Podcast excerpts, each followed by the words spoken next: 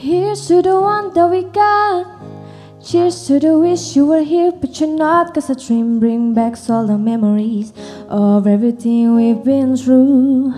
Toast to the one here today. Toast to the one that we lost on the way. Cause a drink bring back all the memories. And the memories bring back memories, bring back you. There's a time that I remember when everything the pain, when I believe in forever and everything could same. Now my heart feel like a neighbor when somebody say your name. Cause I can reach out to call you, but I know I will one day. Everybody hurts sometimes, everybody hurts someday. Everything gonna be alright. Go and rest and rest and say, here's to the one that we got. Cheers to the wish you were here, but you're not. Cause a dream brings back all the memories, uh, everything we've been through. Toast to the one here today. Toast to the one that we lost on the way. Cause a dream brings back all the memories, and the memories bring back memories, bring back you. Do do do do do do do do do do do do do do do do do do. Memories bring back memories, bring back you. There's a time that I remember when I never felt so lost. When I fell off all the hater was the powerful to stop. Now my heart feel like a neighbor and it's lighting up the dark. I carry those stars for the youth and I never, never drop. Yeah, everybody hurts sometimes, everybody hurts someday. Yeah, eh. but everything gonna be alright. Go and raise a glass and say, hey, here's to the one that we got. Cheers to the wish you were here, but you're not. Cause a dream bring back all the memories of everything we've been through. Toast to the one here today to the one that we lost and away Cause the dream. Brings back all the memories And the memories. Bring back memories. Bring back you. To to to to to to to to to to to to to Memories. Bring back memories. Bring back you. To to to to to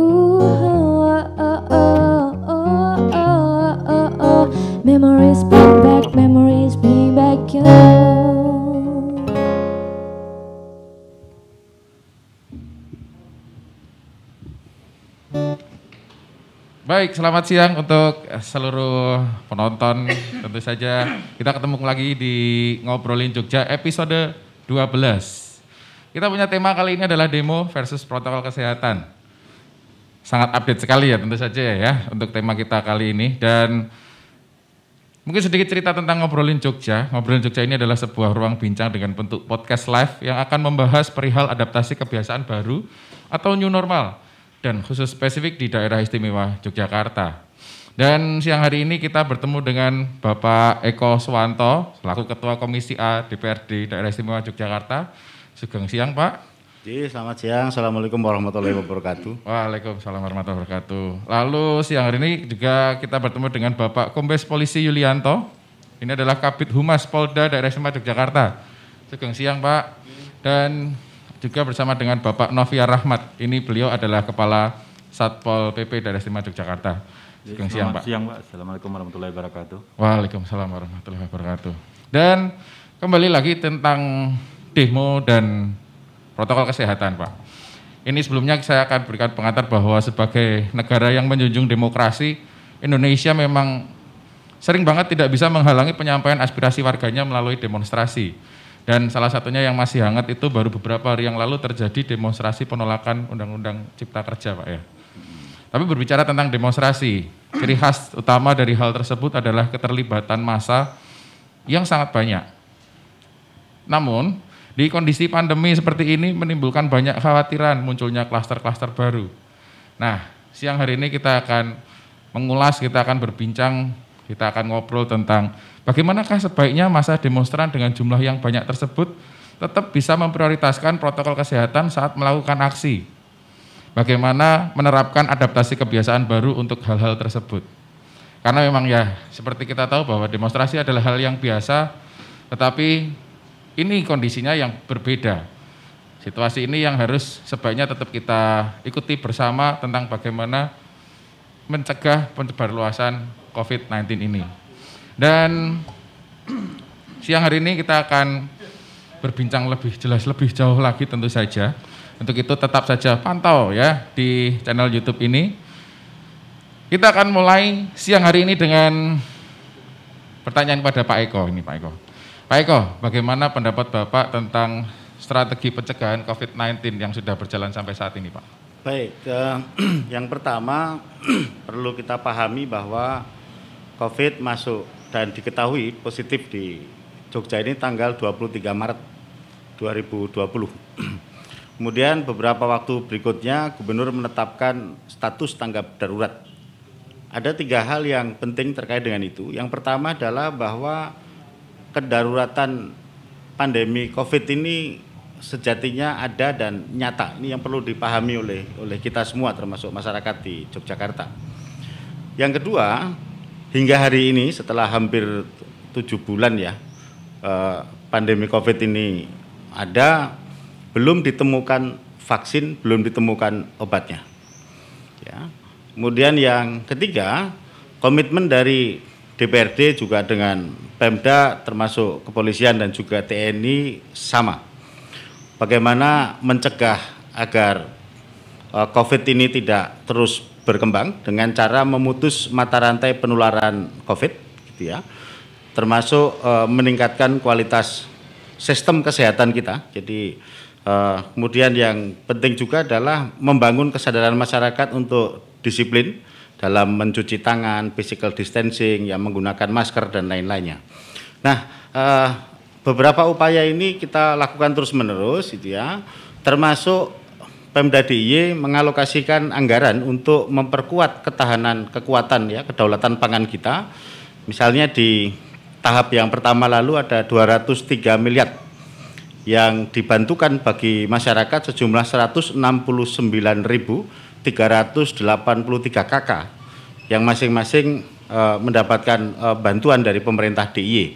Belum termasuk dana desa yang digunakan untuk BLT itu ada 144 miliar. Kabupaten kota di agregat DIY ada 165 miliar, ditambah dengan bantuan dari pusat dalam bentuk PKH, kartu sembako, dan lain-lain. Ini menunjukkan komitmen yang sungguh-sungguh dari pemerintah, termasuk pemerintah daerah dan DPRD DIY. Termasuk yang terakhir kita apresiasi Gubernur menerbitkan Pergub 77 tahun 2020 ya tentang apa uh, pen, protokol pencegahan Covid yang di pasal 4 itu diatur secara khusus ya ada kewajiban bagi perorangan di DIY gitu ya. Pertama untuk secara disiplin melakukan cuci tangan dengan sabun yang berkualitas. Dengan sabun yang baik. Yang kedua physical distancing. Nah, baru masuk ke berbagai apa kerumunan saya menyebutnya kerumunan gitu ya yang berpotensi ya berpotensi melanggar disiplin protokol pencegahan COVID ini saya kira yang yang terpenting gitu ya untuk dipahami bahwa apa pun kegiatan hari ini termasuk kegiatan unjuk rasa yang sejatinya oleh undang-undang itu dimungkinkan dibolehkan gitu ya tetap harus mengedepankan aspek keselamatan sehingga uh, sebagaimana pernah kami sampaikan sebelumnya, aspek menjaga keselamatan hidup ini hari ini menjadi yang paling utama. Gitu ya.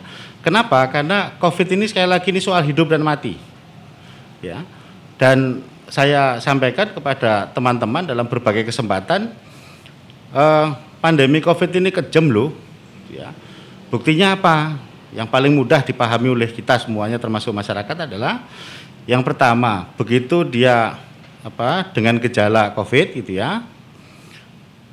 Sakit orang ono sing. Tidak ada yang menengok. Kenapa? Karena dia harus isolasi selama 14 hari. Termasuk yang OTG. Yang OTG pun juga diwajibkan untuk 14 hari melakukan isolasi dan tidak boleh ditengok. Ya, ini salah satu yang yang berbeda dengan misalnya dulu dalam masyarakat kita, tradisi masyarakat kita, terutama di pedesaan ya, di kota juga masih terjadi. Kalau ada tetangganya yang gerah, yang sakit, dia akan berbondong-bondong melihat jam besoknya jam berapa. Kemudian dia boleh jadi secara bergilir ini tengok, menengok gitu ya, mengunjungi, mendoakan, mengirim bingkisan dan lain-lain. Tapi COVID ini tidak terjadi. Yang kedua, yang meninggal ini orang dilayati gitu loh. Artinya kalaupun orang kemudian mendoakan itu jarak jauh, pemulasaraannya pun dilakukan dengan protokol COVID, didoakan dengan cara pendekatan yang mencegah COVID gitu loh. Sehingga jujur saya sedih gitu ya dan juga masyarakat di Jogja juga sedih ketika apa upaya yang dilakukan oleh pemerintah termasuk pemerintah daerah dan DPRD untuk mencegah Covid ini tidak menjadi perhatian gitu ya, tidak menjadi perhatian uh, sekelompok orang gitu ya yang yang kemudian mengabaikan protokol kesehatan ini. Demo itu hal yang biasa-biasa saja. Saya dulu kan juga ikut aktif ya di dalam apa namanya uh, unjuk rasa misalnya terkait dengan bagaimana memperjuangkan keistimewaan DIY dan lain-lain gitu ya. Tapi kan ketaatan ini kita lakukan. Termasuk di dalamnya ini memang tidak mudah. Nah, sekarang kan sebetulnya bagaimana strategi Pemda ini harus didukung oleh semuanya. Kemarin ketika apa selesai ada demonstrasi itu saya menghubungi kepala dinas kesehatan gitu ya untuk bagaimana ke depan harus ada strategi agar mereka yang ikut aksi itu bisa melakukan apa rapid test ya swab atau yang lainnya untuk mengidentifikasi. Kenapa? Karena ini penyakit yang sangat serius. Nah saya kira ini yang yang yang yang utama untuk kita kerjakan dan kami harap masyarakat juga betul-betul kompak gitu ya bersama dengan pemerintah dan pemerintah daerah untuk menjaga agar DIY yang kita cintai bersama-sama ini apa tidak muncul apa klaster-klaster baru, tidak muncul tambahan-tambahan Covid. Seperti kemarin misalnya kita lihat Pak Kasat Pol PP ya bersama jajaran didukung oleh Polri dan TNI bagaimana menumbuhkan ekonomi di Malioboro dengan protokol Covid. Yang masuk harus apa barcode dulu, yang masuk harus memastikan pakai masker, yang masuk harus dipastikan cuci tangan dan lain-lainnya.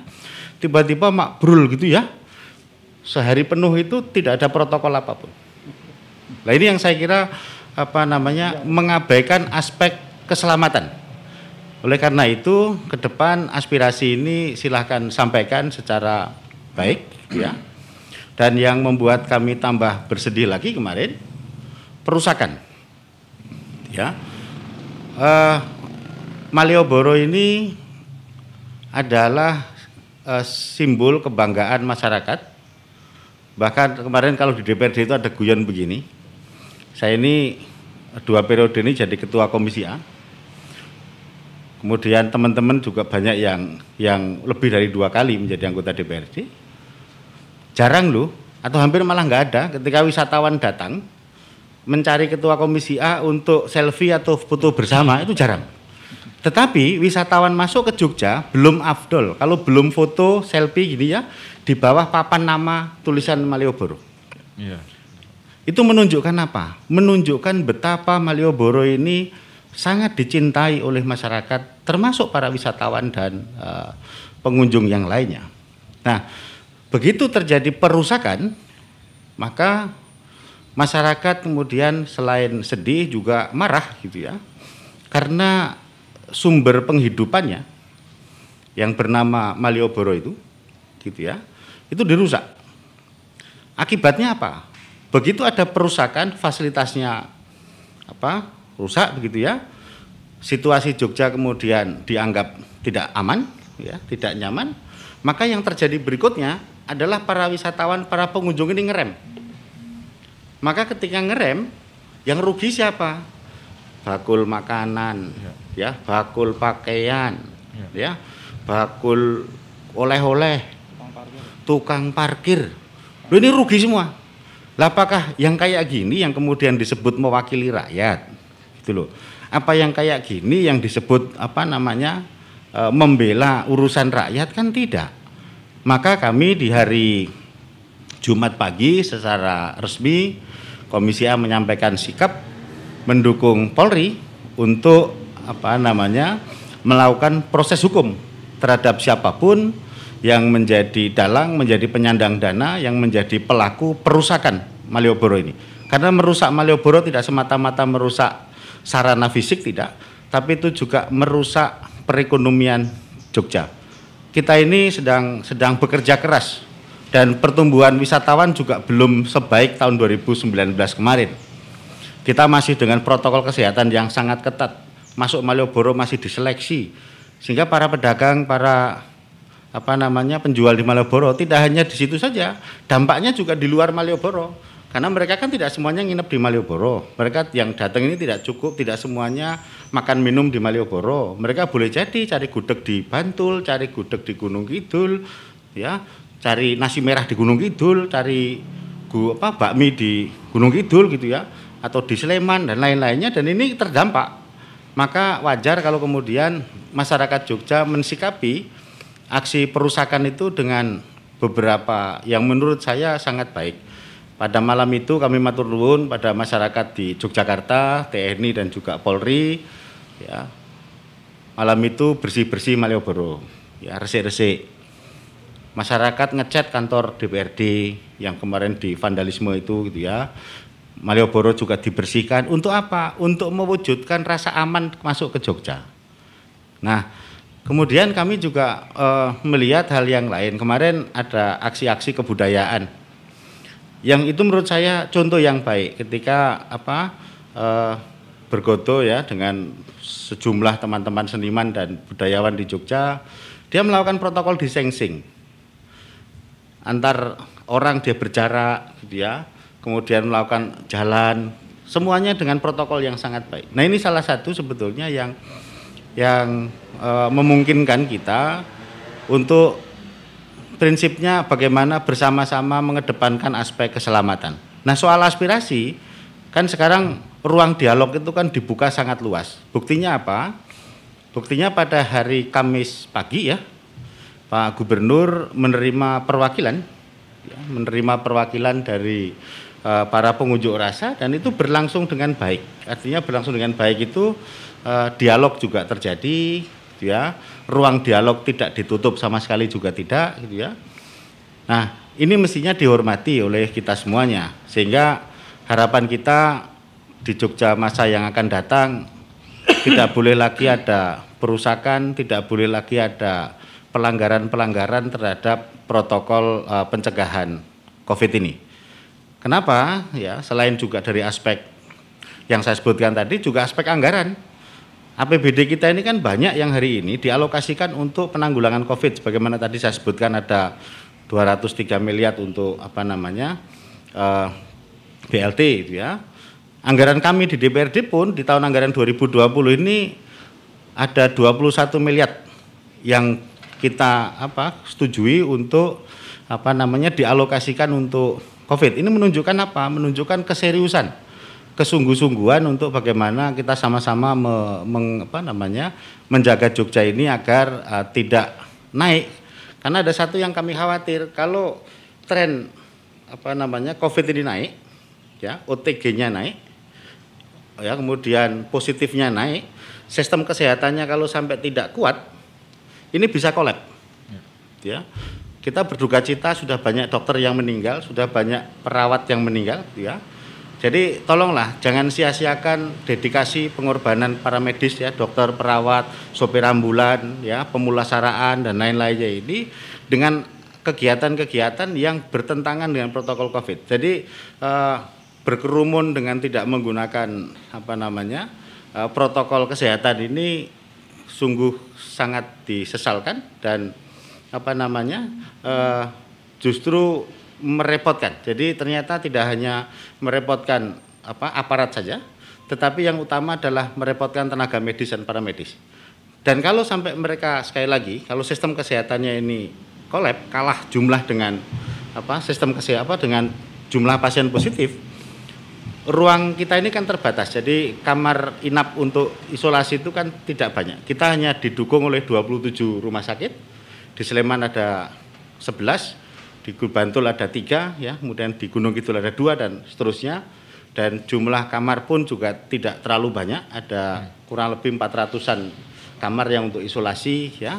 Sementara kalau ini diteruskan, kami khawatir kalau sistem kesehatannya kolab, maka yang akan terjadi seperti beberapa negara di Italia kemudian di Amerika ya dia akan akan apa rontok sistem kesehatannya kemudian tidak banyak yang bisa diselamatkan jadi harapan kita silahkan sampaikan aspirasi ini dengan tetap mengedepankan aspek keselamatan manusia ya kepada pemerintah dan pemerintah daerah pun juga kita minta untuk membuka diri dalam ruang-ruang dialog yang lebih terbuka gitu ya. Seperti beberapa saat yang lalu di Jawa Tengah misalnya ya, Pak Ganjar menerima perwakilan buruh. Saya kira ini menjadi bagian-bagian penting sama ketika kemarin Sri Sultan Hamengkubuwono ke-10 selaku gubernur menerima perwakilan dari buruh. Saya kira ke depan kita harapkan ruang-ruang dialog itu dibuka terus-menerus sehingga apa namanya uh, akan dicapai konklusi yang yang terbaik untuk bangsa kita ini. Ya. Saya kira itu poinnya yang yang ya. utama terkait dengan bagaimana mensikapi uh, upaya pemerintah daerah di dalam pencegahan COVID ini. Dan ya. nanti kami juga akan sampaikan kepada uh, Pak Kasat dalam rapat dengan Komisi A. Kita juga mengusulkan ada apa namanya uh, pelaksanaan pergub yang betul-betul bisa dilaksanakan secara uh, maksimal. Saya kira poin pertama itu Mas yang bisa ya. kami matur. Matur Pak Eko. Ini tadi cukup lengkap juga ini tentu saja buat seluruh penonton channel YouTube ini. Banyak dan juga cukup panjang untuk penjelasan dari Pak Eko. Dan ini pun juga uh, sepertinya bisa kita simpulkan juga kepada rekan-rekan pendemo. Mungkin kita himbau sebelum berangkat demo pastikan bahwa ada hand sanitizer di tangan Anda. Terus ya jangan berkerumun, terus tetap memakai masker atau pakai face gitu Pak ya. Jadi ya seperti tadi disampaikan bahwa demo itu sebenarnya hal yang biasa. Tetapi ketika ini berada di situasi dan kondisi pandemi seperti ini, ya ada baiknya kita masih tetap menjaga segala macam kemungkinan dari hal-hal yang tidak kita inginkan. Karena efeknya ternyata panjang kalau dari dari penjelasannya Pak Eko. Tidak hanya dari sektor kesehatan saja yang harus diantisipasi tetapi sampai ke perekonomian dan sebagainya. Nah, harapannya kita semua bisa aware, bisa paham dan juga mungkin bisa berjalan mengikuti apa yang sudah kita sepakati bersama tentang kebiasaan adaptasi kebiasaan baru tersebut, Pak. Oke, kita mungkin akan mendengarkan penjelasan juga dari Bapak Yulianto. Pak Yulianto ini terutama tentang Nah ini Pak, menurut Undang-Undang nomor 9 pasal 10 tahun 98 Pak, ini yang mengatakan bahwa wajib memberikan pemberitahuan tertulis kepada Polri jika akan menyampaikan pendapat di muka umum dan memberitahukan yang bersangkutan yaitu pemimpin dan penanggung jawab kelompok. Kaitannya dengan unjuk rasa kemarin Pak, bagaimana itu Pak? Iya, uh, memang saat ini sulitnya kan demikian ya. Uh, pemberitahuan sekarang disebar lewat media sosial. Media sosial. Ya, kayak gitu kan. Karena gimana ya? Mereka teman-teman yang mau mengadakan aksi ini kadang-kadang juga tidak bisa memperkirakan seberapa banyak orang yang akan datang ketika ajakan itu dilayangkan lewat media sosial. Katakanlah misalnya kemarin hashtagnya Jogja memanggil itu kan siapa pun bisa membuat yeah. uh, grafis itu, siapa pun bisa menyebar, siapa pun bisa datang. Nah, inilah kalau misalnya tidak diberitahukan secara resmi bahwa Pak Polisi kami akan melaksanakan unjuk rasa hari ini hari hari ini jam sekian jumlah yang akan unjuk rasa sekian orang. Kalau seperti ini kan mereka teman-teman yang unjuk rasa ini ngontrolnya gampang, ya. meminimalisir penyusup. Tetapi ketika ajakan itu dilayangkan dengan media sosial yang kita tidak tahu atau mereka tidak tahu siapa yang akan datang, ya. ini rawan dan buktinya memang banyak penyusup-penyusup, banyak penyusup-penyusup yang dia bukan mahasiswa, bukan uh, aliansi buruh misalnya. Tetapi ikut bergabung di situ. Di beberapa wilayah uh, itu sudah banyak yang tertangkap. Ketika diperiksa, kamu dari mana? Kamu mahasiswa mana? Oh bukan, berarti bukan mahasiswa. Pakai jaket alma mater. tetapi dia bukan mahasiswa di situ dan pengangguran. Kan ini repot. Jadi eh, kembali kepada undang-undang tadi memang semestinya memberitahukan secara resmi kepada kepolisian. Memang paling paling lambat itu ya Hamin tiga harus diberitahukan. Tetapi faktanya ya sekarang seperti ini. Ya memang kita berusaha semaksimal mungkin menjaring informasi elemen mana yang akan e, melakukan unjuk rasa. Kita mintain datanya mintain data itu dalam arti e, berapa yang akan turun e, kemudian e, apa yang ingin disuarakan. Ketika kami tahu apa yang akan disuarakan karena kan dalam pemberitahuan itu kan temanya apa kan ya, ada. ada nah ini kan artinya kan e, apa yang akan mereka suarakan kita bisa memberikan solusi. Oh, kita pengen uh, unjuk rasa masalah tambang misalnya. Oh, siapa nanti dari DPR yang akan berbicara tentang tambang, Tent, uh, yang akan menerima tentang tambang, misalnya seperti itu. Nah, kalau kemarin misalnya uh, menolak Undang-Undang uh, Cipta Kerja, nah siapa uh, yang di DPR yang harus menerima mereka? Bisa memberikan penjelasan kepada mereka. Ini kan bisa dikomunikasikan ya. supaya ketika mereka datang unjuk rasa, ya disambut dong dengan dengan tuan rumah yang bisa menjelaskan. Ini kan mesti dikomunikasikan. Ya. Itulah salah satu pentingnya pemberitahuan itu. Ya, kalau tidak ada pemberitahuan sekedar pem, uh, grafis, repot. Apalagi pengumumannya lewat sosial media pak ya, yang semuanya ya, bisa turut menyebarkan. Itu dia. Bisa. Apalagi uh, nanti ada lagi yang yang kelompok-kelompok memang ingin mengacau, membuat grafis yang lain, ya. membuat ajakan-ajakan yang provokatif, kan bisa jadi. Iya, seperti itu Pak yang terjadi ya. Pak kemarin Pak ya. Oke, berikutnya nih Pak tentang di bulan Maret 2020 kemarin itu dikeluarkan maklumat dari Kapolri mengenai wabah COVID-19 Pak. Salah satunya isinya itu melarang kegiatan unjuk rasa Terus bagaimana Pak tentang unjuk rasa yang kemarin ini? Apakah ini termasuk kegiatan yang mendesak gitu? Karena di dalam maklumat Kapolri itu ada pengecualian Pak.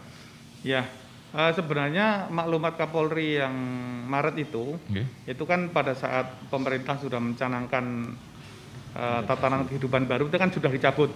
Ya. Sehingga uh, kegiatan-kegiatan yang dilarang atau di, dimaklumatkan itu, itu sudah bisa dilakukan. Jadi uh, demo kemarin juga tidak tidak melanggar maklumat Kapolri. Oke, baik baik. Berarti memang tidak apa-apa sebenarnya apa. itu Pak ya. Cuman harusnya ada Ya memang memang kembali uh, seperti tadi Pak Eko sampaikan tadi bahwa ketika uh, teman-teman itu mau mengadakan unjuk rasa tentu protokol kesehatan itu harus harus Jadi. dilakukan.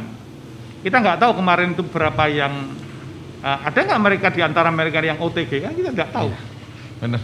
Itu tadi harusnya sebelum demo ngumpulin dulu hasil rapid testnya gimana baru berangkat gitu Pak ya mungkin boleh ya. Baik Pak, terima kasih Pak. Sementara itu untuk pertanyaan kepada Bapak Yulianto, kita akan berikutnya menuju ke Bapak Noviar Rahmat ini terlebih dahulu. Pak sebagai gugus depan Pamgahum COVID-19 di daerah istimewa Yogyakarta Pak, langkah apa yang diambil oleh Bapak ketika terjadi unjuk rasa kemarin itu Pak? Ya, jadi gini terkait dengan uh, COVID ini kan sudah terjadi di DIY semenjak bulan Maret 2020 kemudian berbagai tindakan-tindakan yang kita lakukan dalam melakukan pencegahan itu sudah dilakukan bersama-sama uh, eh, TNI dan Polri termasuk Satpol PP. Setiap hari kita melakukan pencegahan-pencegahan sampai dengan uh, bulan Agustus itu, uh, bulan September itu ditetapkan peraturan gubernur nomor 77 tahun 2020 terkait dengan penegakan disiplin dan penegakan hukum terkait dengan protokol kesehatan di daerah istimewa Jakarta. Dalam pasal 4 seperti yang disampaikan Pak Eko tadi bahwa eh, ketentuan terkait dengan eh, penegakan 4M yaitu diberlakukan kepada satu perorangan, yang kedua kepada pelaku usaha dan yang ketiga itu adalah kepada penanggung jawab kegiatan. Nah, penanggung jawab kegiatan ini termasuk di dalamnya adalah pelaku-pelaku yang akan melaksanakan demo atau menyampaikan aksi-aksi penyampaian pendapat sesuai dengan ketentuan atau SOP dari pelaksanaan dari peraturan gubernur ini bahwa sebelum melakukan kegiatan jenis apa pun termasuk kegiatan yang mengumpulkan orang banyak terlebih dahulu harus mengantongi rekomendasi dari gugus tugas. Nah, rekomendasi ini yang sampai hari ini juga kita tidak ada menerima permintaan rekomendasi dari penyelenggara uh, demo kecuali kemarin permintaan izin dari Aliansi Buruh memang disampaikan kepada Pak Gubernur yang intinya bahwa uh, ingin beraudiensi terkait dengan Undang-Undang Cipta Kerja. Nah, terkait dengan hal tersebut direspon baik sama uh, Pak Gubernur dan perwakilan dari uh, beberapa orang buruh kemarin itu diterima oleh uh, Pak Gubernur sendiri kami juga ikut mendampingi. Namun sebelumnya kita sudah menyiapkan, saya sudah berkoordinasi dengan Dinas Kesehatan di depan di sini sudah kita siapkan 40 uh, rapid test sebetulnya. Tetapi yang terpakai hanya 8 kemarin karena perwakilannya hanya uh, 7 uh, yang bisa masuk 7, yang satu memang suhunya panas apa uh, reaktif ya. Yang satu kita tidak berizin masuk, yang 7 itu masuk ke dalam sehingga yang tujuh inilah yang berdialog dengan Pak Gubernur. Artinya bahwa kita sudah membentengi namun setelah itu kita melihat bahwa yang terjadi di lapangan, walaupun memang di dalam beberapa uh, surat-surat atau himbauan yang dilakukan melalui uh, media sosial, memang ada himbauan untuk protokol kesehatan. Tapi dalam pelaksanaannya memang jauh sekali dari protokol kesehatan. Pergub 77 sudah mengatakan bahwa penanggung jawab kegiatan bertanggung jawab untuk memberikan edukasi, sosialisasi terkait dengan penegakan protokol kesehatan di uh, masa yang dikumpulkan. Ya, artinya bahwa ketika dia membawa masa, arti penanggung jawab harus bertanggung jawab untuk menegakkan bagaimana memakai masker, yang kedua cuci tangan, yang ketiga uh, jaga jarak, dan yang terakhir adalah menghindari kerumunan. Nah, sementara di sini terjadi terjadi uh, pelanggaran protokol kesehatan. Ada berapa kali uh, aksi demonstrasi yang memang dilakukan di DIY ketika dia masuk ke gugus tugas, kemudian Eh, setelah diberikan rekomendasi kami dari Satpol PP bersama TNI Polri langsung melakukan pengecekan pada saat terjadi aksi. Itu sudah berapa kali kami lakukan. Namun yang terjadi di tanggal 8 itu tidak ada yang menyampaikan kecuali yang aliansi buruh itu memang kita lakukan. Artinya uh, sesuai dengan ketentuan pergub kita sudah berupaya menegakkan kecuali yang rombongan kedua yang kita tidak tahu sama sekali itu sehingga itu tidak saya yakin juga ke uh, Polda atau kepolisian juga tidak ada pemberitahuan ya Pak. Ya artinya ini kan uh, liar sebetulnya. Nah, ini yang memicu uh, terjadinya tindak kekerasan yang sempat membuat gerah masyarakat Yogyakarta. Kita sudah berupaya menegakkan protokol kesehatan dari mulai bulan Maret, dari hari ke hari kita coba. Khusus Malioboro, uh, akhir-akhir ini terjadi penurunan pelanggaran.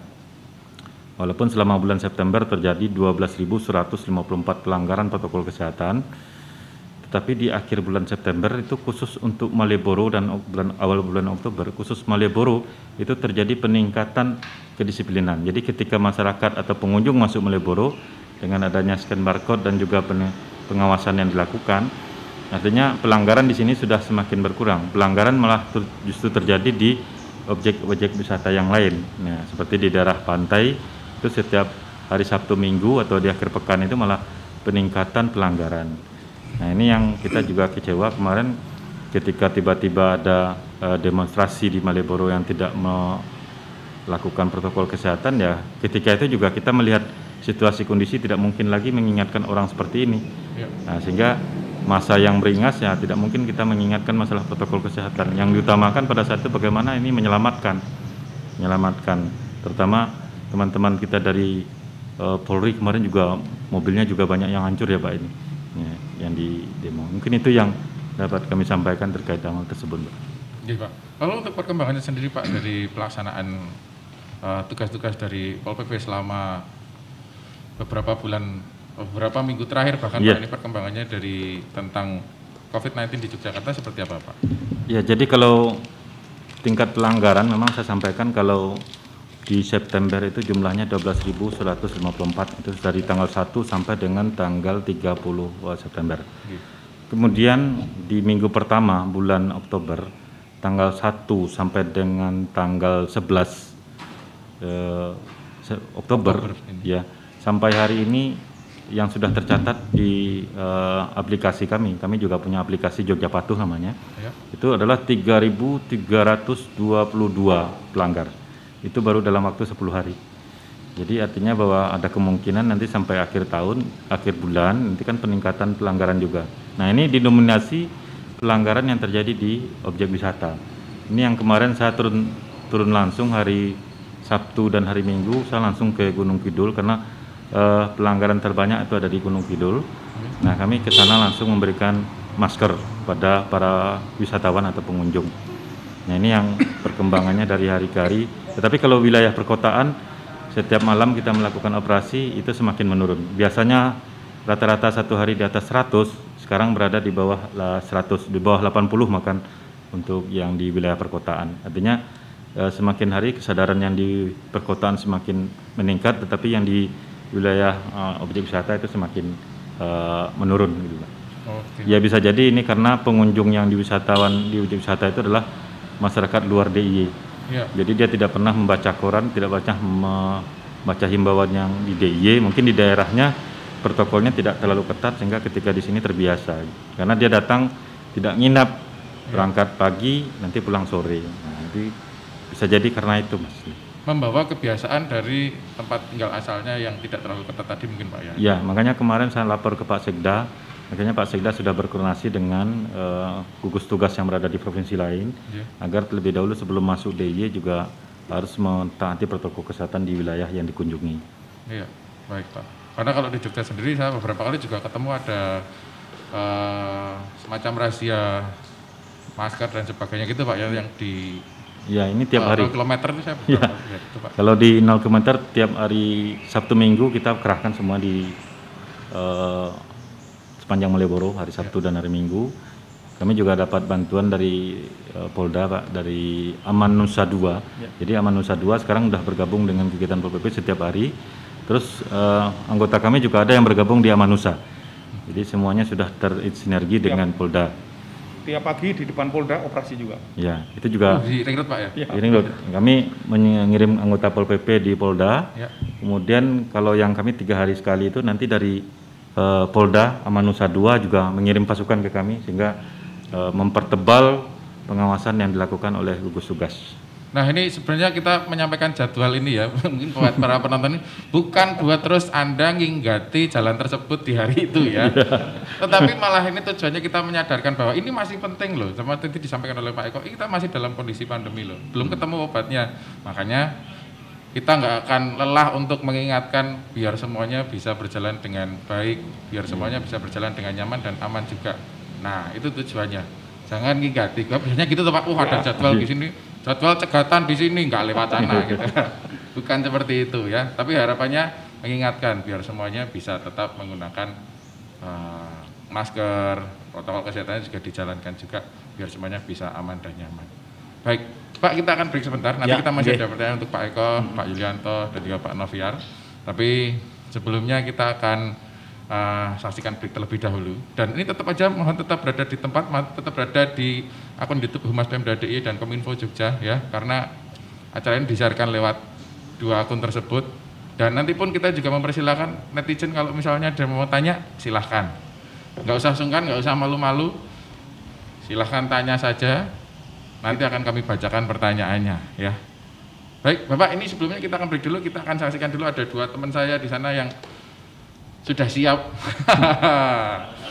monggo, monggo silakan dari dua rukun makmur, monggo silakan. Selamat siang, matur nuwun. Kami izin untuk melepas masker biar ya kita lepas masker dulu. Senyumnya dan tawanya nanti kelihatan.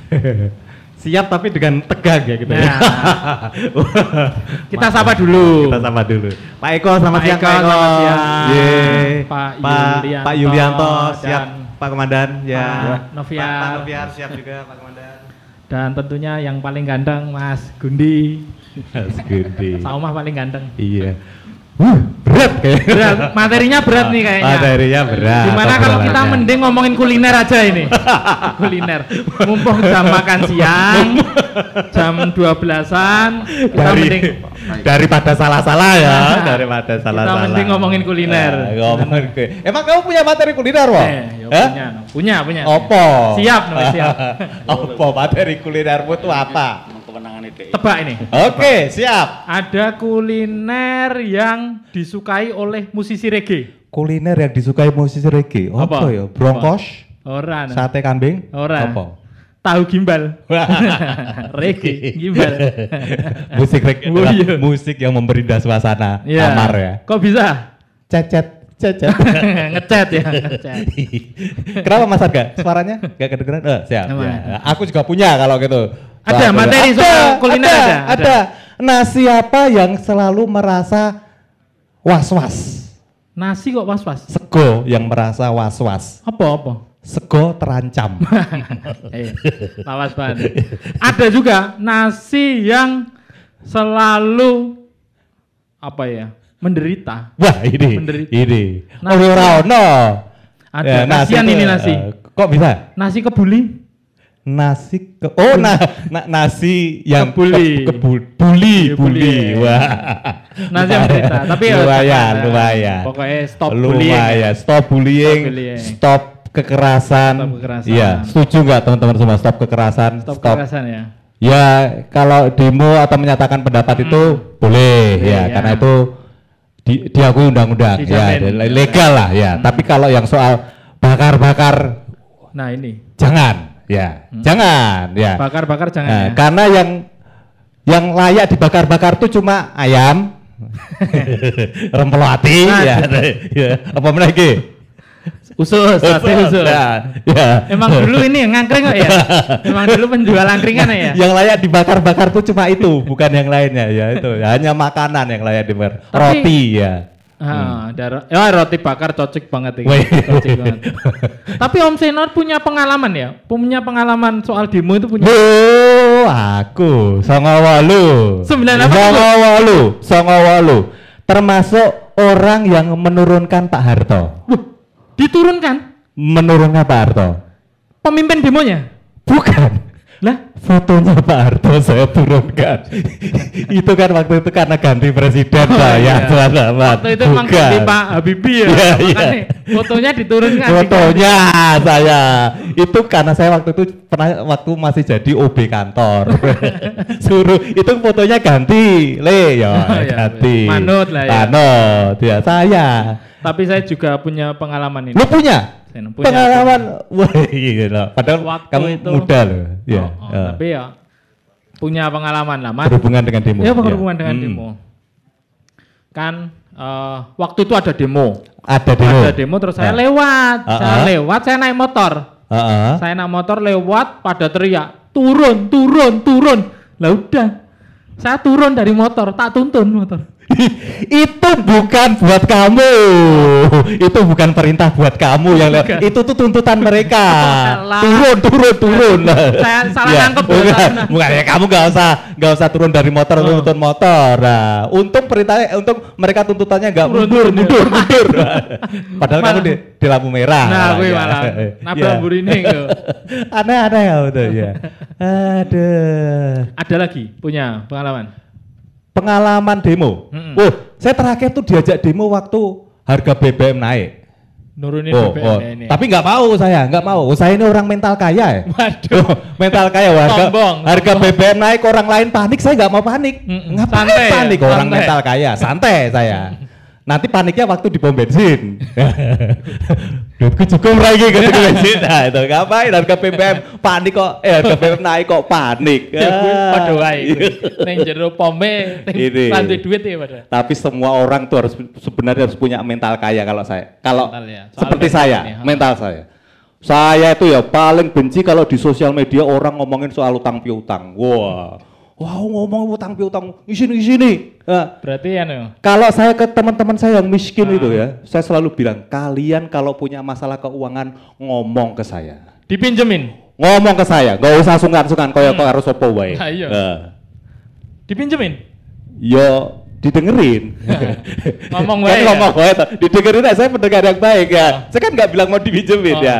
Ya itu Ngomong wae, ya, ya. Nah, ya. mereka kan udah suka toh. Ah. Nah, curhat didengerin ya toh. yang penting mental kaya. Nah. ya.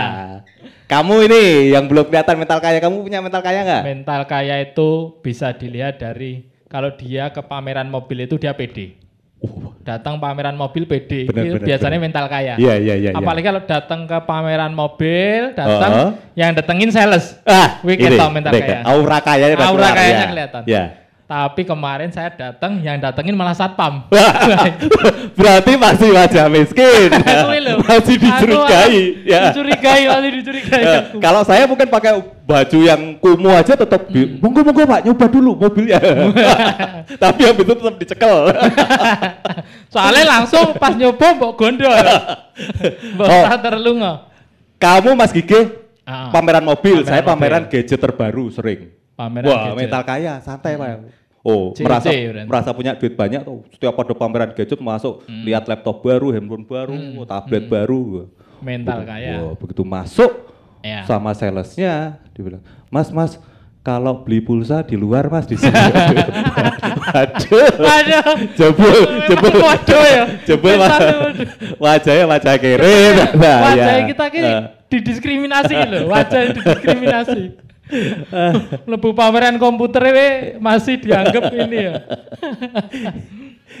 nah, Om Seno kan nek ngomong ke tadi demo, mm-mm. ngomongin hukum. Om Seno ini kan dulu mahasiswa hukum. Oh iya, kalau soal hukum mas saya tahu. Hmm. Saya dulu kuliahnya di Fakultas Hukum UII.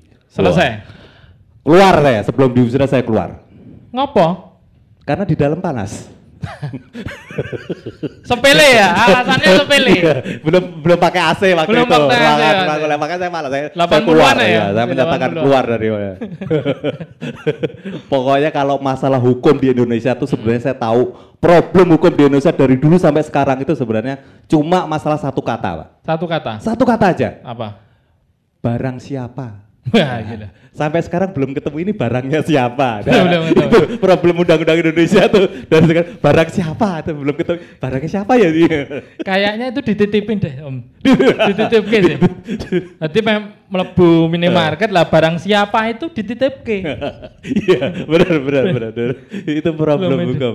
Pokoknya kita kita eh, sangat mendukung suasana Jogja untuk kondusif lagi, Ya. benar ya. Karena kalau kondusif otomatis karena namanya juga masih pandemi ya. Ya. Masih pandemi. Orang juga ya apa pun kegiatan sebenarnya juga harus memperhatikan standar Standar eh, kesehatan. eh, pro- apa protokol Covid. Protokol Covid. Kemudian ya jangan sampai mengumpulkan massa yang banyak. Ya kalau demo ya mungkin sendiri gitu. Nah, Ya, ya. Kalau sendiri bukan demo. Ya ya nggak apa-apa, ya sendiri sama misalnya "Eh, kamu kok sendiri sama ada sama teman imajinasi. Enggak. demo rame nggak apa-apa, tapi lewat webinar. ah, cocok. Demonya online. Wah, teriak-teriak dari dari kamar kos sendiri-sendiri ya.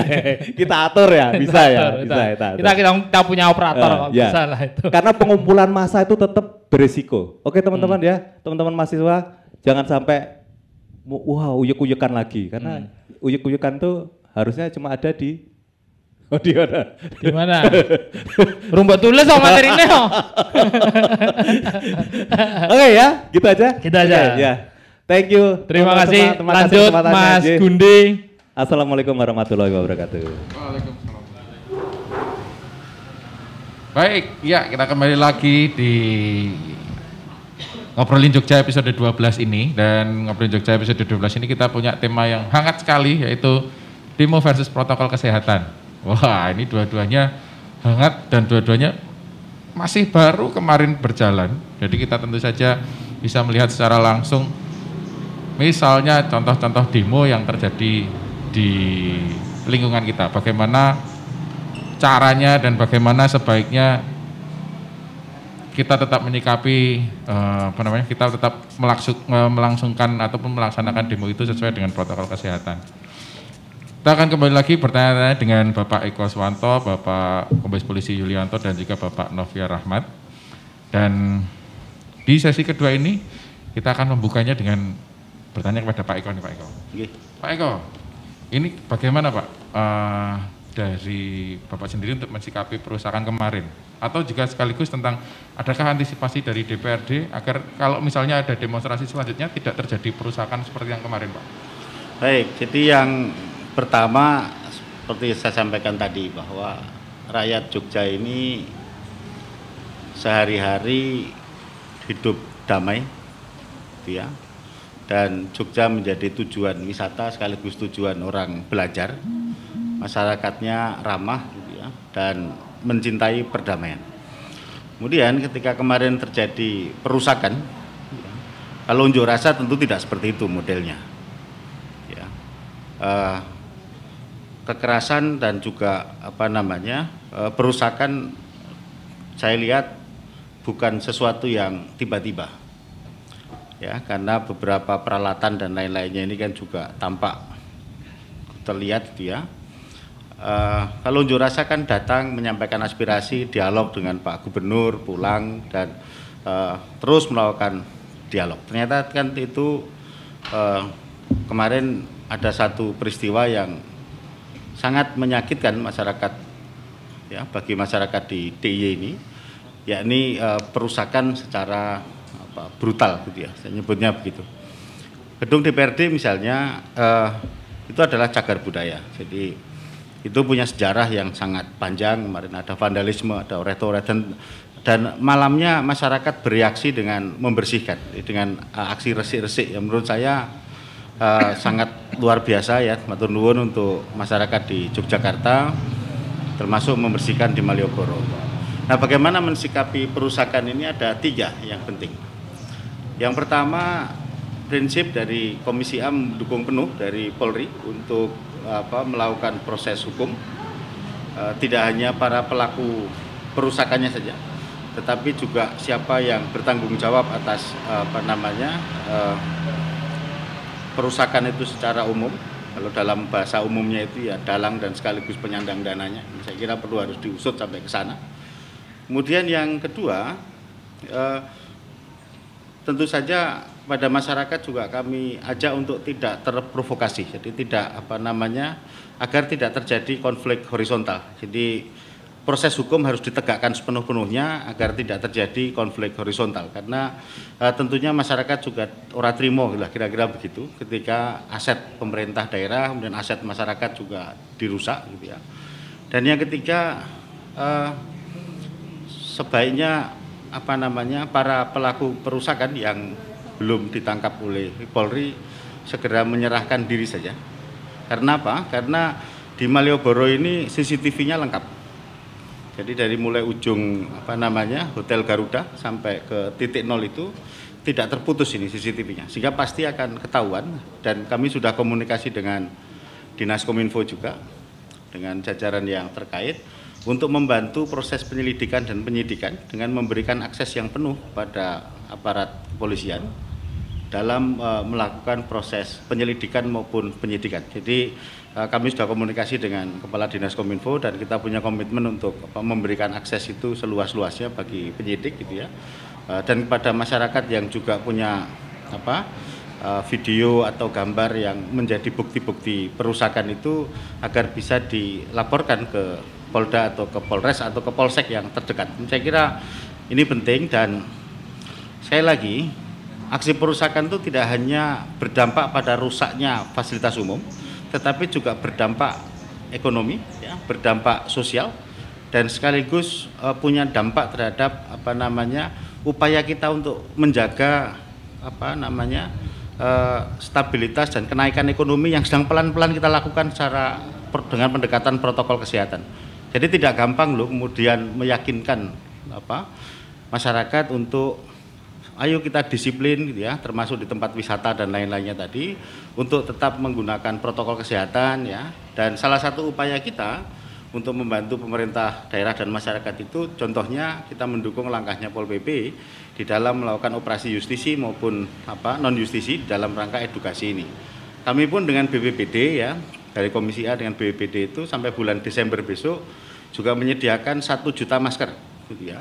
Untuk apa? Sehingga masyarakat yang diberi edukasi ini, yang melanggar ini tidak mengulang lagi dengan cara apa? Dengan cara diedukasi, diberikan masker. Jadi yang tidak punya, karena masyarakat kita ini kan tidak semuanya apa namanya e, mengalokasikan belanja untuk masker hingga pemerintah daerah melalui BPBD menyediakan itu dan tinggal bagaimana mengakses dan kami sudah dapat daftar kegiatan dari apa namanya BPBD yang kapan di pasar mana, di daerah mana dan lainnya termasuk Pol PP. Ini saya kira uh, Pol PP kemarin pun dalam aksi justisi tadi juga menyediakan 100 ribu masker ya untuk masyarakat juga. Nah harapan kita ini tidak dirusak, ya tidak dirusak oleh apa namanya uh, ketidakdisiplinan di dalam melakukan physical distancing, cuci tangan, pakai masker. Jadi ini ini jadi saya pakai masker ini tidak semata-mata untuk melindungi diri saya sendiri, tapi sekaligus untuk melindungi saudara-saudara kita yang sedang ngobrol begini, ya karena uh, masker hari ini menjadi salah satu alat kita untuk memutus penularan mata rantai COVID. Nah, ketika ada pertanyaan, bagaimana Pak antisipasi ke depan agar tidak terjadi perusakan dan lain-lain? Yang pertama tentu saja mari kita buka ruang dialog seluas-luasnya.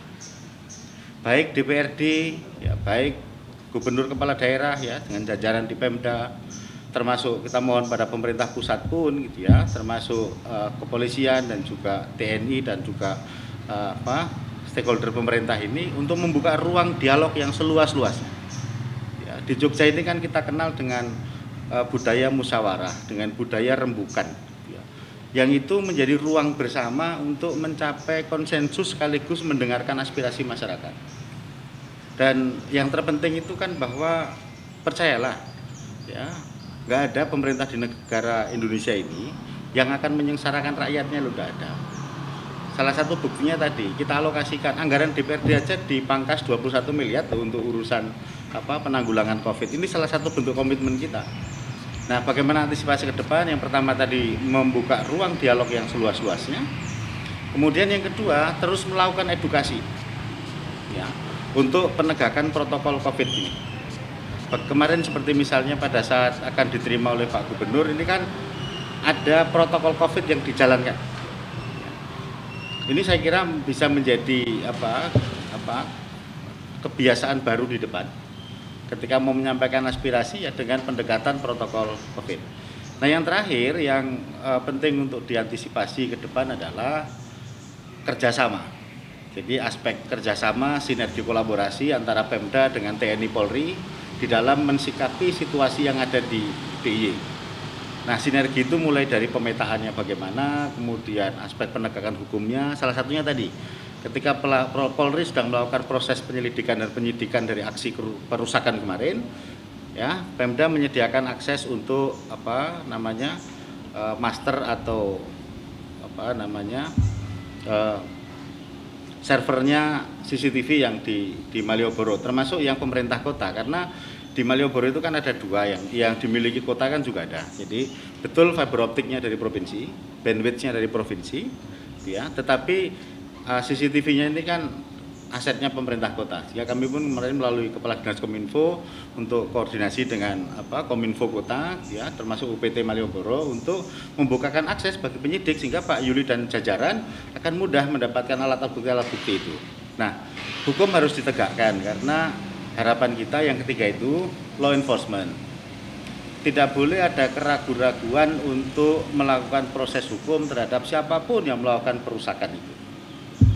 Dan ini nggak ada kaitan dengan demo sama sekali tidak ada. Jadi ini betul-betul peristiwa kriminal gitu ya, yang memang harus diselesaikan secara hukum. Nah, bagaimana kemudian ke depan mau menyampaikan aspirasi selain ruang-ruang dialog tadi, gitu ya? kami kan juga bersedia, pemerintah juga saya kira bersedia, gitu ya, Polri juga bersedia untuk diundang. Ya. Dan ini kan bukan hal yang bukan hal yang baru di Jogja. Dulu Pisauanan Ageng itu, oh yang datang kan juga banyak, ya. Kemudian waktu aksi apa namanya uh, menuntut terwujudnya keistimewaan DIY yang kebetulan waktu itu saya tugas sebagai korlap itu ratusan ribu orang. Dan sama sekali tidak ada gelas pecah. Sama sekali tidak ada pot pecah.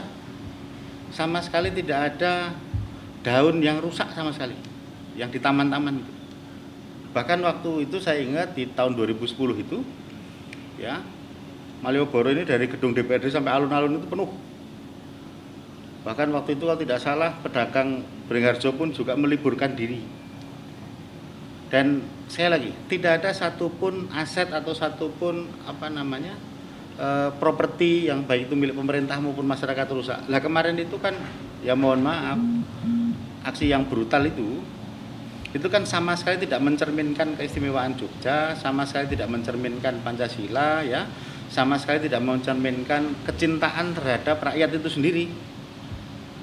Sehingga harapan kami ke depan saya lagi ya ruang dialog mari kita buka seluas-luasnya baik dari DPRD ya dan juga teman-teman. Dan yang juga penting kanal-kanal aspirasi kan sekarang banyak.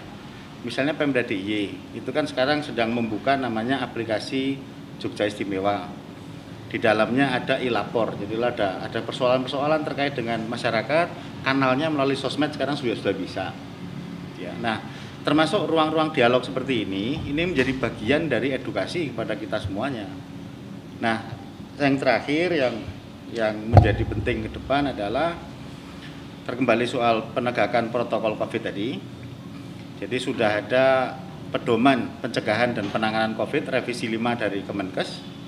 Kemudian sudah ada maklumat Polri ya. Juga sudah ada apa namanya Pergub 77 tahun 2020 mari kita laksanakan itu secara konsisten dan sungguh-sungguh untuk apa? Untuk menjaga keselamatan rakyat. Untuk menjaga keselamatan manusia. Dari apa? Dari ancaman pandemi Covid-19 itu.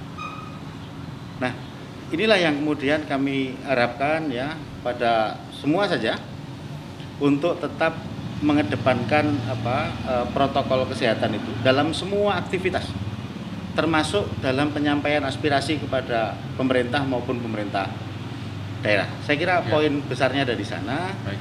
dan izinkan di apa akhir dialog ini kami matur nuwun pada TNI, Polri, teman-teman buruh yang kemarin apa namanya berdialog dengan Pak Gubernur ya dan juga teman-teman yang dari kepolisian, dari TNI juga ya, yang bersama-sama apa eh, berkomitmen untuk menjaga Indonesia, menjaga Jogja ini dari ancaman COVID sekaligus ancaman anarki itu.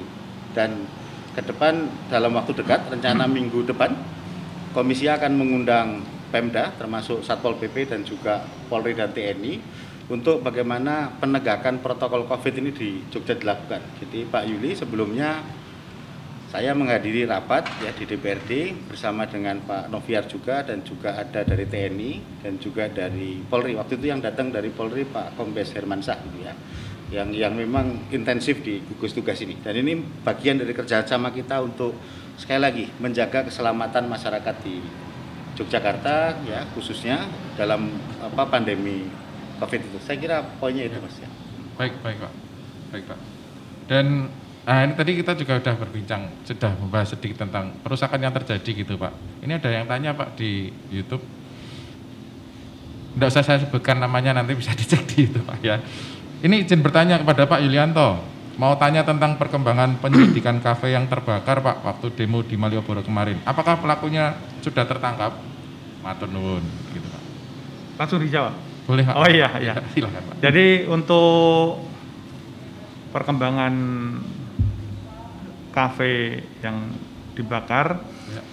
Kita masih mengumpulkan alat bukti, mempelajari berbagai banyak video yang beredar, CCTV maupun rekaman-rekaman netizen itu kita kumpulkan, kita pelajari untuk mencoba mencari siapa sih yang melempar, siapa sih yang membakar, siapa sih yang merusak. Nah, memang Eh, karena memang masih dalam penyelidikan sehingga otomatis juga kita belum bisa menentukan siapa tersangkanya. Tapi dari peristiwa insiden kemarin pada saat unjuk rasa, memang kita menetapkan ada empat tersangka. Eh, kebetulan yang tiga masih anak-anak, yang satu sudah cukup dewasa, sehingga ya kita lakukan uh, proses dengan tegas. Dari 95 orang yang diamankan pada saat itu, kita pilah-pilah, kita periksa, diinterogasi, mengerucutlah pada empat orang itu yang bisa dilakukan proses lebih lanjut. Itu juga melalui konsultasi dengan kejaksaan. Maka Pak Eko sebenarnya ketika terjadi peristiwa seperti ini kemudian uh, perlu kebijakan-kebijakan khusus ini tidak bisa saja hanya polisi yang yang mengambil peran tetapi kejaksaan juga mengambil peran karena seperti yang empat orang kita proses ini Ini pun kita konsulkan dulu kepada kejaksaan. Ini yang dilakukan oleh empat orang ini, ini, ini, ini, ini. Kira-kira menurut jaksa apakah bisa dilakukan uh, penuntutan? Bisa. Nah, kalau bisa kita lanjutkan. Nah, maka ini juga uh, tidak semata-mata bahwa bahwa oh ini kok di yang lain kok dilepaskan karena memang uh, bukti awal itu itu uh, minim. Kemudian juga 90 orang ini diamankan, bukan hanya polisi yang mengamankan, Mas. Tetapi masyarakat juga mengamankan. Diserahkan oleh masyarakat kepada polisi. Pak, ini tadi mau bikin rusuh di sana, diamankan. Daripada digebukin sama masyarakat, diserahkan oleh masyarakat kepada polisi.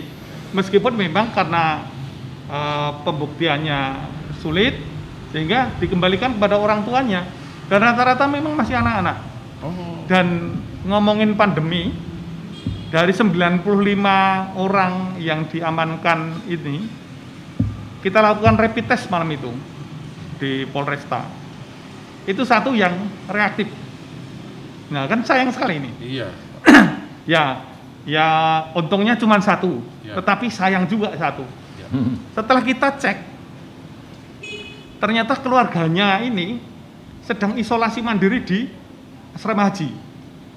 Lah, kan mestinya ini anak tahu ya, keluarganya sedang isolasi ya. dan dia juga sedang isolasi. Kenapa dia harus ikut berkerumun?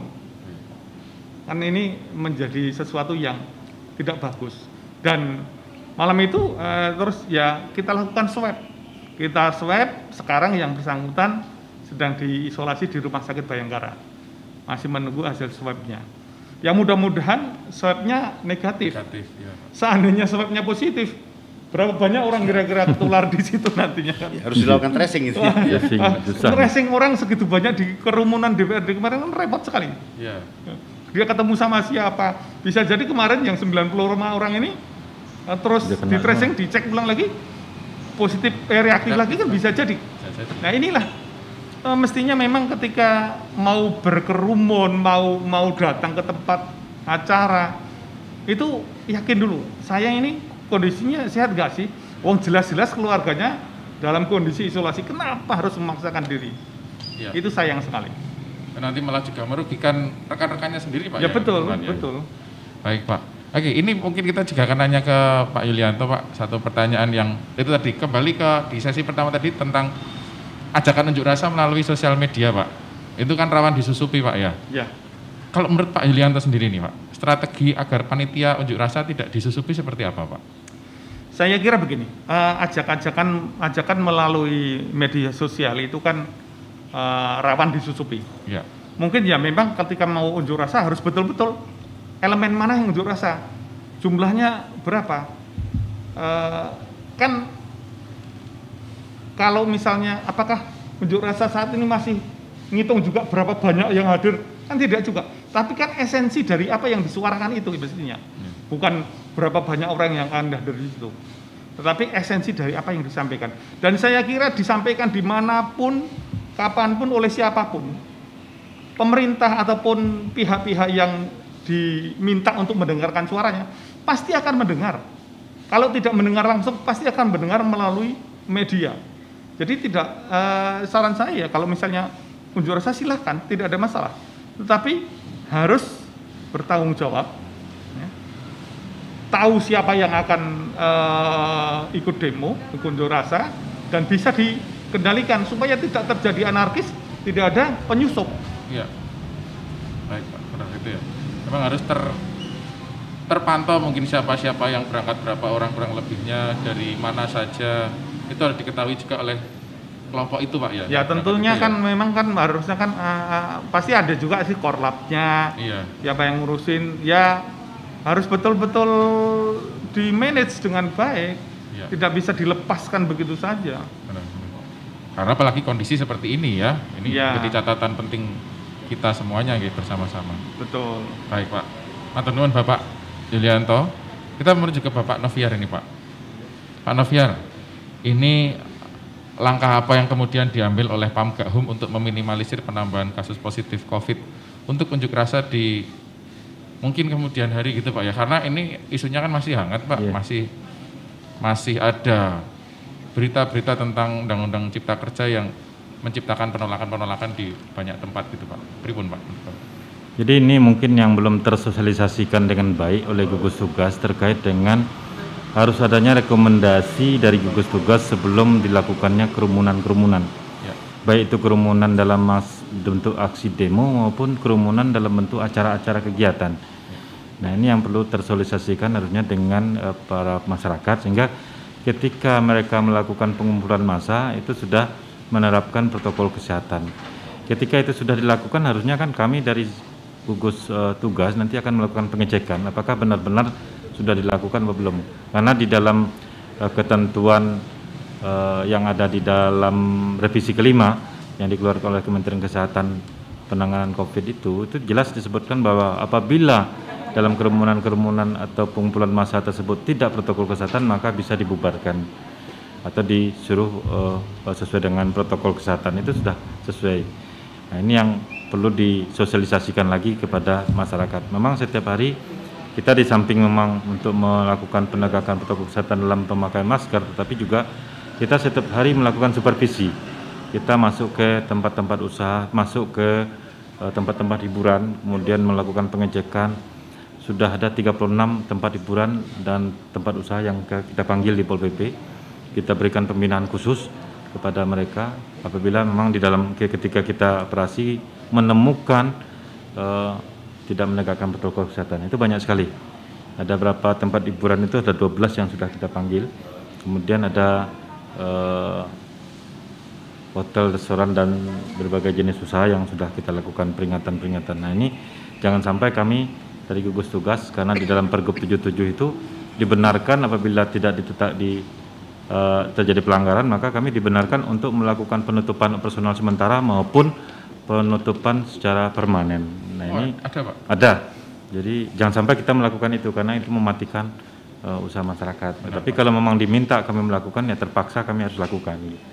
Jadi itu yang kami himbau kepada masyarakat terutama kalau yang pendemo-pendemo ya mungkin ada cara-cara lain yang lebih elegan apalagi sekarang rapat saja sekarang sudah dengan virtual ya. lah kenapa demo juga tidak diciptakan dengan demo virtual lah ini kan lebih lebih ya. elegan gitu sehingga eh, tidak merugikan semua orang kalau seperti kata Pak Yulianto tadi itu kalau memang positif tadi ternyata memang ada satu orang positif reaktifnya kan nanti di swab ya Pak swabnya mungkin belum keluar sudah, ya Pak sudah di swab belum keluar belum keluar Pak ya kan nah kalau seandainya keluar itu positif nah bisa dibayangkan berapa ribu orang nanti akan di tracking itu yang di sana itu. Iya. Karena kemarin ribuan sekali yang bisa jadi semuanya sudah terkonfirmasi itu. Iya. Mungkin itu yang perlu kami sampaikan. Ya, baik Pak. Jadi Pak Novian melanjutkan sedikit ya. Jadi uh, selain tracing, jadi kalau kemarin kan ada kasus positif kemudian melakukan tracing tapi yang terlibat dalam kerumunan-kerumunan sebaiknya memang secara sadar ya secara sadar melakukan minimum ya minimum pengecekan apa status positif atau negatif ini untuk apa untuk menghindari booming ya jadi kita tidak ingin tiba-tiba dalam situasi tertentu kemudian kasus positif melonjak tajam di DIY kalau itu sampai terjadi sebagaimana tadi sampaikan bahwa sistem kesehatan kita ini harus kita jagain loh dokter kita ini terbatas jadi untuk melahirkan Eh, satu orang dokter ya itu butuh sekitar enam tahun. Kalau dia spesialis paru misalnya itu butuh eh, empat tahun lah, tiga empat tahun juga sekolah. Sehingga dalam dalam penanganan COVID ini kami sangat sangat hati-hati, ya. termasuk uh, kita bersama dengan Pak Gubernur kan tidak menetapkan lockdown di Jogja. Yang kita lakukan itu kan tanggap darurat. Tanggap darurat itu rumusnya simpel beraktivitas boleh tetapi dengan protokol kesehatan kira-kira begitu jadi tidak tidak kemudian ditutup sama sekali jangan sampai kemudian nanti uh, apa situasi di Jogja misalnya tidak terkendali kemudian harus dilakukan pengetatan kembali. Sehingga kami pun juga mengajak pada uh, apa namanya uh, masyarakat di Jogja untuk bersama-sama uh, mendukung sistem kesehatan ini secara kuat dan yang penting juga adalah pada uh, aparat hukum baik TNI, Polri maupun instansi yang lain terkait dengan ini kita kerjasamakan melalui gugus tugas itu. Nah, secara khusus tadi ada satu hal yang apa belum tak sampaikan terkait dengan aksi perusakan kemarin. Harapan kita penyelidikan dan penyidikan ini tidak berhenti di sini. Ya. Tetapi juga menyentuh siapa yang menjadi aktor gitu ya, menjadi dalang dari perusakan itu karena begitu masifnya perusakan itu gitu ya. Dan apa e, masyarakat menunggu ya. Masyarakat menunggu hasil proses penyelidikan dan penyidikan itu dan harapan kita sekali lagi eh, kepada masyarakat juga untuk tidak terpancing, untuk tidak terprovokasi. Hari ini setelah beberapa hari yang lalu Malioboro dibersihkan, ya, pada Satpol PP pun kembali penegakan aturan yang di Malioboro gitu ya, dan kami harapkan ke depan eh, dalam rapat komisi eh, yang akan datang kita akan bahas kembali soal bagaimana apa eh, Pergub 77 tahun 2020 itu dalam mensikapi aksi-aksi massa ini. Karena kemarin kan kita nggak waktu penyusunan Pergub itu kan Pemda belum memperhitungkan, ya, belum memperhitungkan eh, aksi massa dalam jumlah sekian. Jadi memang Pergub kemarin itu tidak disiapkan untuk apa mengantisipasi apa namanya aksi-aksi dalam jumlah yang besar. Nah, sehingga ke depan harus ada revisi usul saya Pak Noviar, ya, perbaikan yang sebagaimana kita diskusikan kemarin dengan eh, teman-teman dari Polri dan TNI itu kita lakukan perbaikan penyempurnaan agar uh, kita punya payung hukum yang cukup untuk penegakan protokol kesehatan yang ada di apa di DIY ini ya. ya. dan uh, harapan kita dengan revisi itu bisa menyentuh aspek pencegahan agar tidak ada kerumunan dalam jumlah yang besar dan berpotensi penularan COVID. Saya kira itu yang yang utama kita lakukan dan pada masyarakat sekali lagi COVID ini pandemi masih terjadi, vaksinnya belum ketemu, obatnya belum ketemu, ya mari bareng-bareng sama DPRD, sama pemerintah, sama TNI dan Polri, bareng-bareng untuk melakukan operasi besar-besaran yang namanya memutus mata rantai penularan COVID.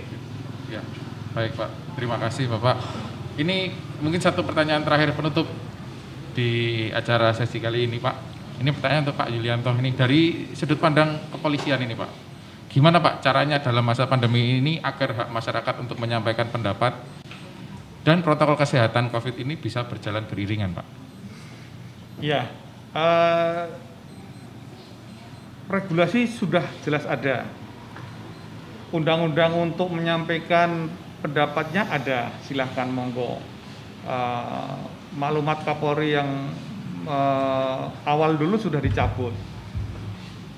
Saya kira masyarakat harus pinter, kita semua harus pintar supaya pandemi ini uh, hilang, berhenti, tidak bisa di uh, anu, ya memang harus bersama-sama siapa pun itu, tidak mm, tidak melihat siapa dia.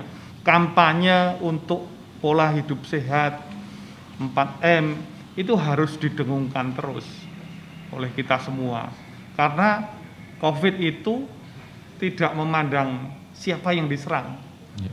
Presiden Trump aja iya, kena ya iya. apalagi yang lain gitu jadi siapa pun juga mesti uh, membantu menghentikan COVID ini kira-kira gitu ya baik Pak terima kasih untuk penjelasannya. Dan terakhir Pak kami mengucapkan terima kasih kepada narasumber yang juga sudah berbagi info, berbagi berita dan juga mungkin menjelaskan banyak hal kepada rekan-rekan semuanya penonton dari channel YouTube ini. Atau pada Pak Eko Suwanto selaku Ketua Komisi ADPRD Daerah Istimewa Yogyakarta, Pak Kombes Polisi Yulianto dari Kapit Humas Polda Daerah Istimewa Yogyakarta dan juga Bapak Noviar Rahmat Kepala Satpol PP Daerah Istimewa Yogyakarta. Matur nuwun sekali Pak Semoga tidak bosan, tidak capek, dan tidak lelah untuk terus mengingatkan kita semua. Dan kita pun juga harapannya rap perlu dilengke. tidak usah diingatkan, kita akan bisa berjalan beriringan karena ya itu tadi, COVID ini masih berjalan, vaksin belum ditemukan. Harapannya kita semuanya bisa menjaga kesehatan diri kita sendiri dan juga teman-teman lingkungan kita, keluarga kita semuanya. Matur juga untuk Kominfo Daerah Istimewa Yogyakarta Humas Jogja, terima kasih untuk DPRD DIY Komisi A, Satpol PP DIY dan Polda DIY, terima kasih untuk Komplek Kepatihan, dan terima kasih juga untuk Duo Rukun Makmur. Matur nuwun, hiburan tawanya tadi, kru dan tim ngobrolin Jogja, matur nuwun, terima kasih konco-konco. Terus terima kasih untuk pendukung acara, untuk wifi-nya Jogja Istimewa, dan juga jangan lupa untuk like, komen, dan subscribe dari channel YouTube-nya Kominfo DIY dan Humas Jogja ya, biar nanti kalau misalnya ada cara seperti ini lagi ataupun ada banyak sekali informasi yang disebarluaskan lewat channel YouTube itu, Anda juga bisa mengikutinya dan mendapatkan update-nya secara aktual. Dan kita akan tutup rangkaian acara dari Ngobrolin Jogja episode 12 ini. Saya Gundi Sos. Selamat siang Yogyakarta. Sampai ketemu lagi di lain kesempatan dan kita tutup dengan teman-teman berdua di sana yang cantik-cantik ada Mbak V dan Mbak Widya. Silahkan. Assalamualaikum warahmatullahi wabarakatuh.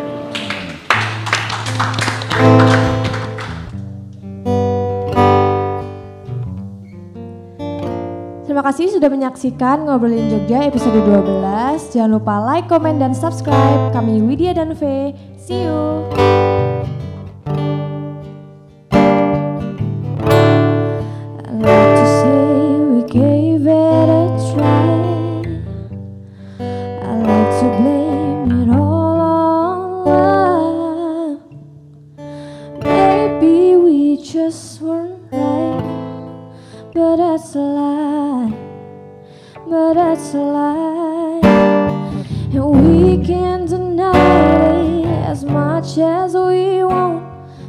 time our feeling will show. Cause soon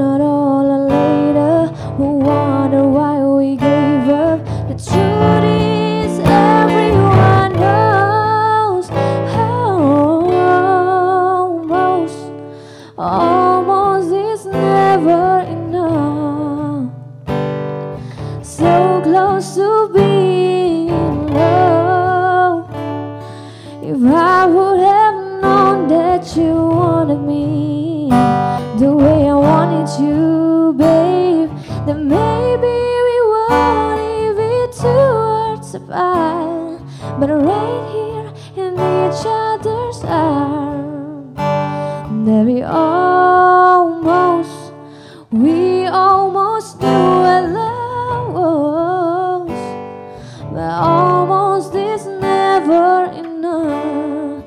If I could change the world overnight, there we know such thing is good.